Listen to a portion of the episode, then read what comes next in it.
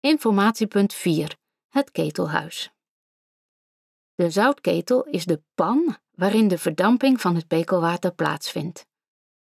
De installaties die nu nog te zien zijn, waren geschikt voor verhitting met behulp van steenkool, de methode die vanaf 1820 in Salon toegepast werd.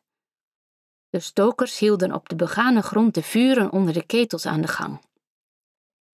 De vuurhaarden bevonden zich aan één uiteinde van de kuip en de rook trok er onderdoor om daarna via de grote schoorstenen weer afgevoerd te worden. Dit was de methode die werd toegepast voor Romeinse baden. Tot aan het einde van de 18e eeuw waren de zoutketels rond en hingen ze vlak boven de vuurhaarden. De ketels die we nu nog zien zijn rechthoekig en staan op gietijzeren pootjes en vuurvaste muurtjes.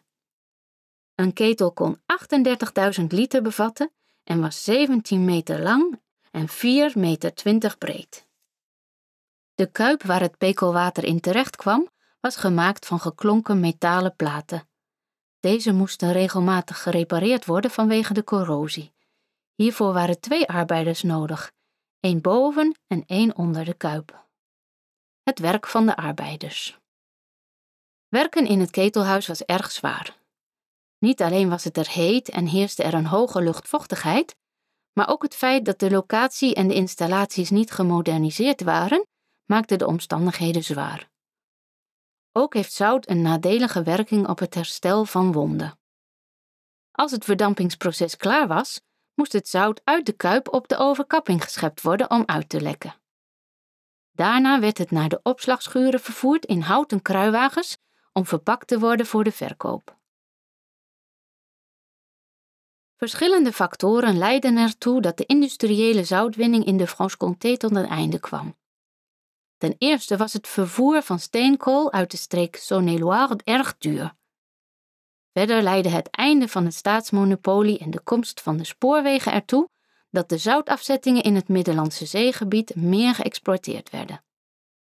Daarnaast speelt voor Salah nog dat het moeilijk was de locatie te moderniseren vanwege haar ingebedde ligging, waardoor investering in nieuwe machinerie niet rendabel was. Ten slotte was er de dalende vraag naar zout, omdat andere methoden van conservering van levensmiddelen ontwikkeld werden. Om al deze redenen stopten de zoutfabrieken hier hun activiteiten in 1962.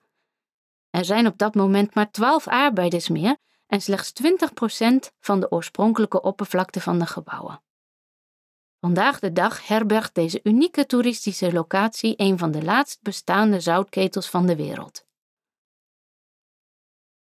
Wij verzoeken u nu om u te begeven naar de ramen aan de kant van de parkeerplaats om vanaf informatiepunt 5 te ontdekken wat er in de Grand Saline buiten te zien is.